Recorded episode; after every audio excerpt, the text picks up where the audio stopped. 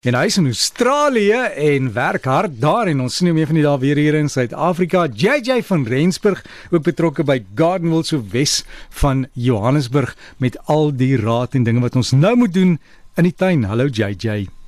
Môre môre Derek, hoe gaan dit daai kant? Dit gaan met my goed want ek sit in Nelspruit en jy's jy's nou weer waar? Ek is in 'n ander warm plek. Jy's in 'n warm plek in Suid-Afrika. Ek is in 'n ander warm plek. Ek is mos naby aan die Gold Coast. Ehm um, hier so in Brisbane in Australië. Ja, hoe hoe het ek eendag iemand oor sê Brisbane? Toe dog ek nee nee nee nee nee, dis Brisbane, hè? ja, nee, dis Brisbane. Maar dit is interessant om met al die uitsprake hoe mense skielik aan al die verskillende uitsprake gewoond raak, hoor? Yeah, yeah, yeah mate. Yeah mate. You're going to dig over the soil, mate.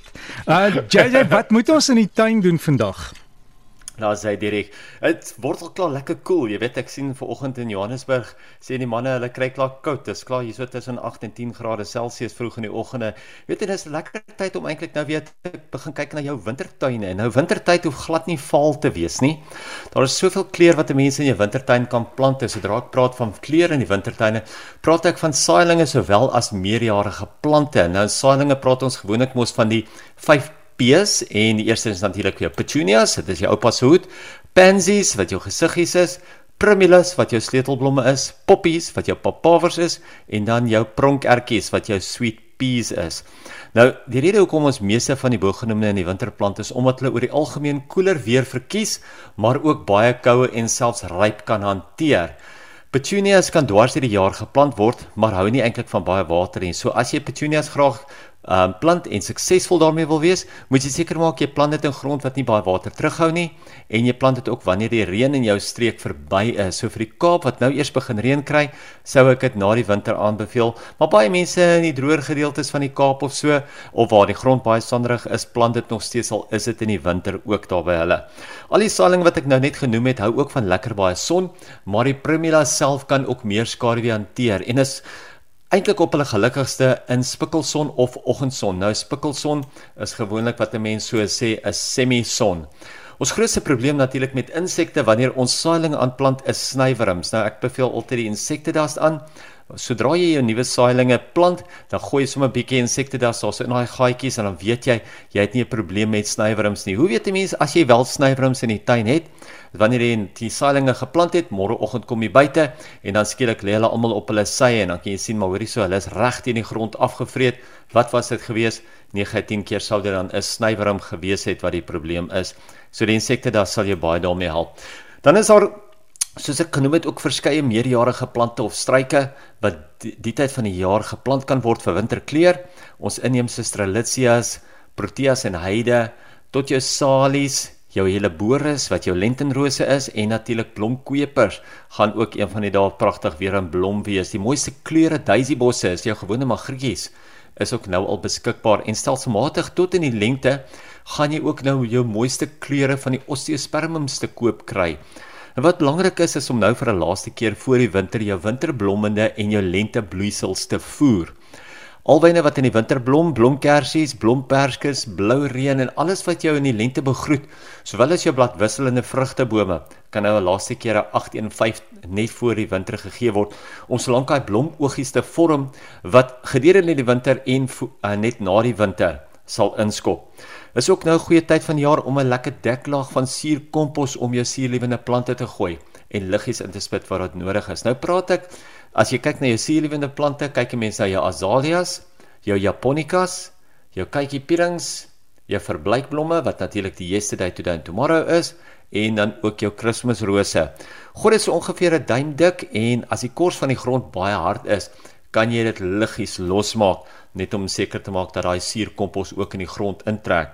So gepraat van die kors, partykeer het 'n mens net die probleem dat jou grond so hard geword het en so dig gekompakteer is dat dit glad nie meer water kan absorbeer nie. Laasweek het ek gepraat oor dekla en hoe belangrik dit is om die water se spoed te breek sodat die water selfsmatig kan insyfer, maar wat anders kan 'n mens doen? Nou saam met die dekla sal ek jou aanbeveel om die grondkors met 'n vrik te breek. Nee, ons wil nie die grond heeltemal losmaak en omspit nie. Veral nie as daar baie reën gaan kom en alles gaan wegspoel nie of as jy op 'n effense helling is, wil jy dit definitief nie doen en al jou boergrond verloor nie. Ons wil dit letterlik net losmaak. Be beste manier om dit reg te kry is om jou spitvark so diep as moontlik in die grond net in te druk, heen en weer te wikkel, daai grond lekker te kraak en dit dan weer eenvoudig uit te trek. Nou, geen spit uh nou til tuin maak. Hulle noem dit in Engels nou til is eintlik deesdae 'n groot tendens en met hierdie praktyk druk 'n mens letterlik net gate in die grond. Plant wat jy wil gooi lekker lekker dik deklaag en jou plante self gaan dan die wortels gaan ontwikkel in daai ehm um, geen spit tuin in nie.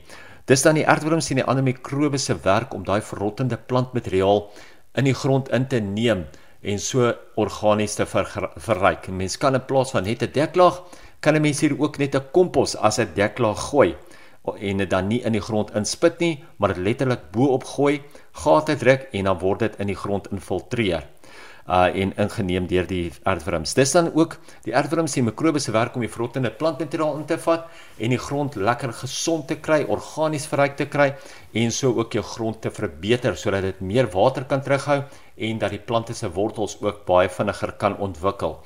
Ja, mens kan ook grondbedekkers en ornamentele grasse plant wat weer eens nie net 'n klein mikroklimaat sal skep nie. Uh die grond sal koel hou nie, maar ook die water se spoed weer eens sal breek en die water laat insyfer. Ons moet regtig probeer om soveel water as moontlik in ons tuingrond vas te vang.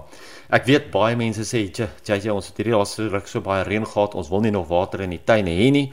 Maar onthou daar's net so baie plekke waar dit baie droog is en onthou jy gaan ook nie dwars hierdie jaar so baie reën kry soos wat jy nou in jou tuin gehad het nie.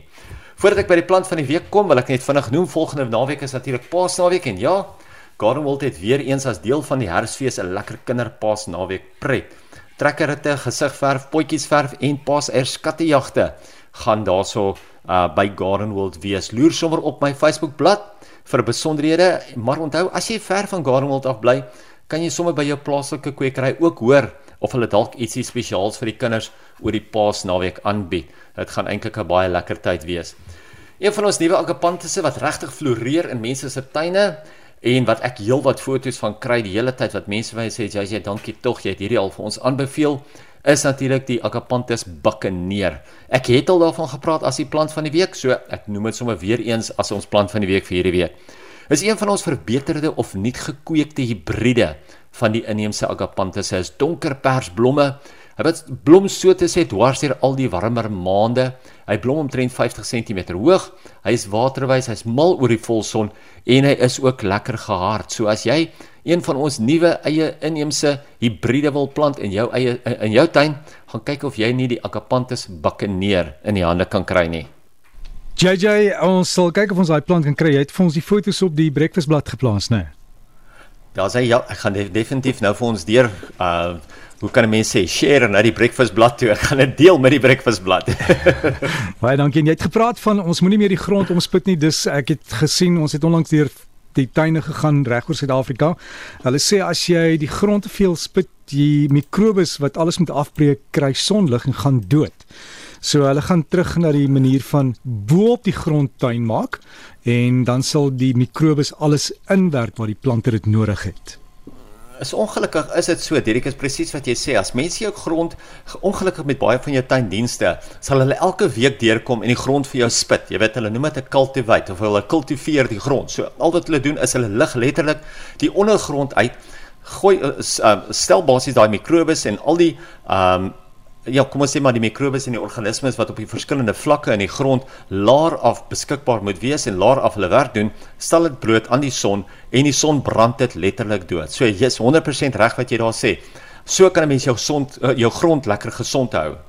En as jy dink dit werk nie, dit werk. Dit dan JJ met ons tuinpraatjie en as jy wil kontak maak, gaan loer op die Breakfast Facebook bladsy B R E K F U S is die foto's daar sien van die plant van die week en al die raad wat JJ gegee het en probeer maar om bo by grond tuin te maak. Dit werk. Jy kan probeer en daai ou kartonbokse van jou daai daai bruines, jy kan hulle maar neergooi en dan bo op hulle tuin maak.